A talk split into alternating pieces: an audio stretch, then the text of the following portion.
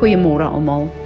Dis 'n heerlike somersoggend hier by ons in Botawil en daar's 'n lekker koel briesie na heerlike reën wat ons gehad het. En as ek daarna kyk, dan besef ek net dat die Skepper God wat ons dien, kyk nie net na ons nie, maar hy kyk na alles in die natuur. En dan wil ek saam met die natuur daar buitekant juig en getuig. Daar is net een God en niemand kan met hom vergelyk word nie. Die afgelope tyd is die Here besig om my te fokus op myself. En dit is my baie vreemd en dit dink ek is vreemd vir elkeen van julle ook wanneer die Here sê ek wil bietjie hê jy moet na jouself kyk.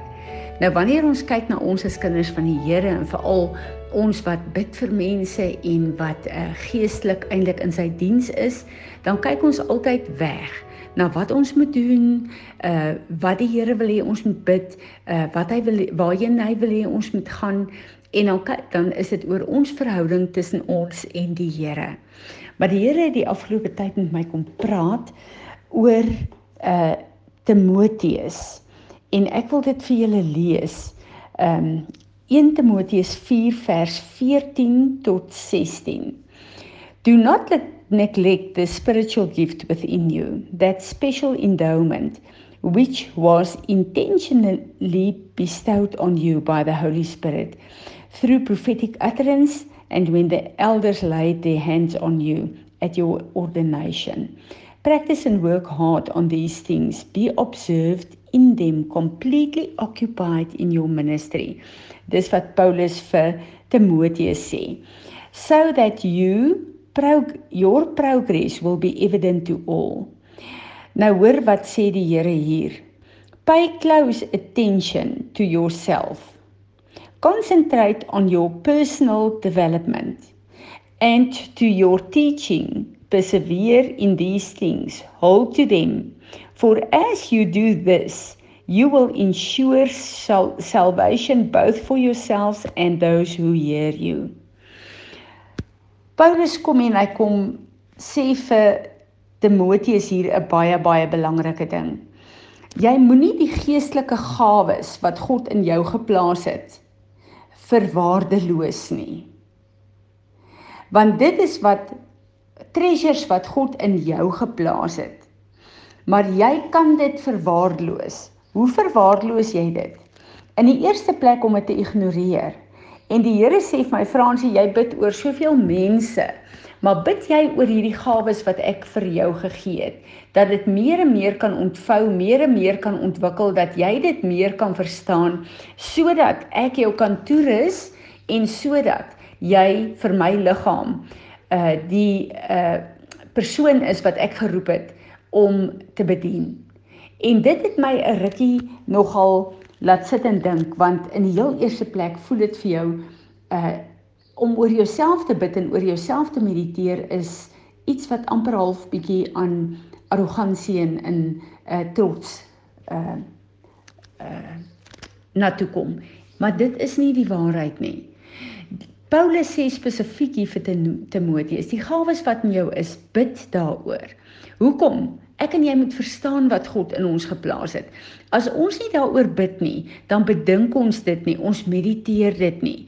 Dan kan ons nie in ons eie verstand uitmaak en uitklaar wat is die gawes wat God vir ons gegee het nie. As jy die gawe gekry het om te profeteer, het jy al gebid oor hierdie gawe en gesê Here, wys my in watter plek van die profetiese U my wil gebruik. Ek kyk na die baie verskillende strome in die profetiese en ek het dit al genoem gedurende ons uh, potbeans. Ons het 'n profetiese span wat bestaan uh, staan uit uh, profete wat uh, hulle sal op die regte tyd die regte skrif uitbring. Hulle sal 'n profetiese lied uitbring. Hulle sal 'n visioen sien. Hulle sal 'n uh, 'n uh, Grieks of Hebreëse nommer sien om te verduidelik wat in die gees aangaan. Maar elke een van hulle het 'n tipe van 'n 'n 'n plek waar die Here hulle laat funksioneer. Maar die Here sê hier vir uh, vir Timoteus, Timoteus, Ek wil hê jy moet hieroor mediteer, jy moet hieroor bid. Jy moet vra dat ek dit sal oopsluit in jou sodat jy in die eerste plek sal verstaan wat ek in jou het. Dan moet jy bid en 'n steward wees van hierdie gawe wat ek vir jou gegee het. Hoe is jy 'n steward van hierdie gawe? Jy studeer. So as jy byvoorbeeld 'n profeet is, dan kyk jy na al die skrifte oor die profetiese in die woord van God en jy laat toe dat die Heilige Gees jou bedien sodat jy in die eerste plek 'n verstaan het van hierdie gawe wat God vir jou gegee het. Want eers as jy dit verstaan, kan jy daarin vloei en dan sit nie vir jou vreemd as Heilige Gees jou op sekere goed laat fokus nie. Maar as jy dit nie gesteoord het nie, as jy dit net aanvaar en ja nee goed, ek voel hier is 'n profetiese woord, dit gee vir iemand en dit dan gee en dan sit verby. Dis nie stewardship nie. Stewardship is om 'n medewerker met God te wees om te verstaan waarvoor hy jou geroep het, om te verstaan hoe lyk hierdie gawes wat hy vir jou gegee het en om dan getrou te wees om daaroor te bid en dat hy vir jou wys en leer sodat hy vir jou 'n groter kapasiteit kan gee. Dit wil sê in die begin as jy net profetiese woord gee vir jouself, soos wat jy dit steward, kan die Here jou begin gebruik in sy liggaam. Soos wat jy, jy dit begin steward en getrou raak aan God, kan hy jou weier vat as dit en hy kan jou laat profeteer in jou gemeente, hy kan jou laat profeteer oor jou gemeenskap, hy kan jou laat profeteer oor Suid-Afrika en oor die nasies in die wêreld. Maar hoe lyk ons stewardship? En ek besef dat ons verstaan nie dat hierdie moet ontwikkel. Luister wat sê hy hier. Play, play, pay close attention to yourself. Concentrate on your personal development. Dit wil sê, hierdie gawes wat ons gekry het, is gawes van God, geskenke van God. En ons moet ons aandag daarop vestig sodat dit in ons persoonlik meer en meer kan ontwikkel, sodat God ons beter en beter kan gebruik. En vir my is dit so interessant hierdie gawe in die Hebreëus is 'n spiritual qualification. Dis 'n goddelike invloed op ons harte, 'n divine influence on your heart. So die Here kom en hy kom beïnvloed ons hart. Hy kwalifiseer ons in hierdie gawes sodat ons dit kan manifesteer, sodat sy liggaam en onsself bedien kan word en opgebou kan word. Ons moet bly onthou dat God gekom het en gesê het dat hy skep met woorde. Hy het vir Jeremia gesê, sê jou mond salf ek om af te breek en te vernietig, maar te bou en te plant en op te bou. Dit is ons uh belangrikste roeping hier op aarde. Dis hoekom die Here in uh Amos 3 vers uh, 9 sê, ek sal niks doen op aarde voor my profete dit nie gaan uitspreek nie.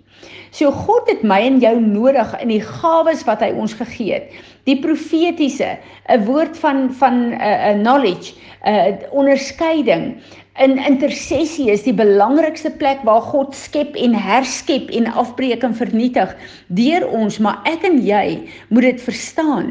En uh, in die boek Jakobus sien ons in Jakobus 4 vers 3 waar die waar Jakobus baie duidelik vir die kerk sê: "Julle het nie want julle vra nie." Julle het nie want julle bid nie. Nou ek en jy en die gawes wat God vir ons elkeen gegee het. Hoe effektief is ons? Ek dink dit is tyd dat ons begin ernstig raak oor hierdie kosbare geskenke wat God vir ons gegee het.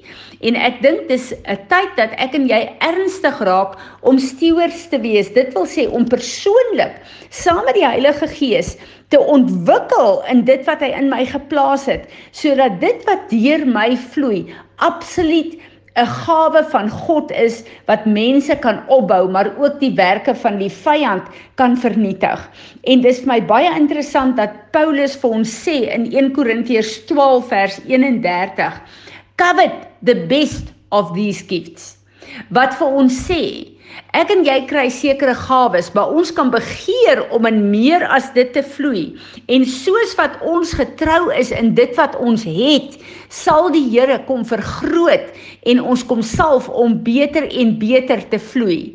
En alles kom weer terug oor die keuse wat ek en jy maak of ons die prys gaan betaal om ernstig te raak oor dit wat God aan ons toevertrou, dit te ontsluit deur sy Heilige Gees en om toe te laat dat hy die uh, kosbare treasure wat hy van praat in uh, die boek van Korintiërs ek en jy is 'n kleipot met 'n kosbare uh, skat binne-in gaan ons toelaat dat hy hierdie skat uit ons uit laat vloei sodat sy koninkryk op aarde kan kom en sodat sy liggaam opgebou kan wees Ek hoop dit het julle bemoedig soos dit vir my bemoedig het en dat julle nou sal begin om vir julleself te bid. Maar eers wil ek vra dat Piet ons sal lei in repentance omdat ons hierdie goed nooit gedoen het nie. Baie seën vir julle. Jy werk ook om vergifnis vra dat dat ons as persoonlike groei in u weet dit ons het afskeep. Jy weet dit ons het verwaarloos en dat ons nie daarop ag nie dat ons dit nie bela as belangrik ag nie, Here. Jy weet dit ons self skuldig maak aan die woord wat wat U vir ons sê dat ons is die mense wat ons een talent onder onder maat emmer sit en dit begrawe het, Here. Jy wil of U vra vergewe ons vir dit. Jy wil kom wys ons elkeen opnuut waar waar daai talente is, Here, waar daai gawes is. Jy wil kom wys vir ons op 'n praktiese basis en op 'n praktiese vlak hoe om hierdie goeders na u toe te bring sodat ons kan begin groei in hierdie goed en saam met u kan werk om om hierdie goeders groter te maak. Jy weet sodat die liggaam van Christus kan voordeel trek uit al hierdie gawes uit wat u vir ons gegee het. Jy weet vergewe ons daar waar ons onmiddellik begin dink het hoe ons persoonlike voordeel uit hierdie gawes kan trek, Here. Jy weet ek weet ons gaan persoonlike voordeel ook uit hierdie goeders uittrek, maar dit is nie net vir ons nie, Here, dit is vir die liggaam van Christus. Weet vergewe ons dat ons by 'n plek uitgekom het dat ons nie omgee om die moeite in te sit om onsself op te bou binne in U nie, Here. Dat ons eintlik die mense rondom ons by 'n plek van skade uitkry omdat ons nie ons eie persoonlike verhouding met U wil verbeter en ons eie gawes binne in U wil verbeter nie, Here. Here wys ons hoe om hierdie goeders uit te loop en wys ons hoe om hierdie goeders na U toe te bring. Here, wys ons hoe om by 'n balans uit te kom dat ons nie net op onsself gefokus sal wees nie, maar op al die ander goeders ook waar waarop ons moet fokus en waarop ons nodig het om te fokus. Here, ons kan nie hierdie goeders uit onsself uit doen nie. As U dit ons nie gaan lei nie, Heilige Gees, wys ons en werk in elkeen van ons om ons te versterk binne in U sodat ons die mense kan word wat U vir ons beplan het om te wees, Here. Nie om ons eie pride te feed nie, Here, maar vir maar net vir ewe en vir ewiging van u naam vir wat se plan u ook al elkeen van ons gemaak het die gawes wat u daar gesit het vir wat dit ook al moet wees Here. Dankie daarvoor Here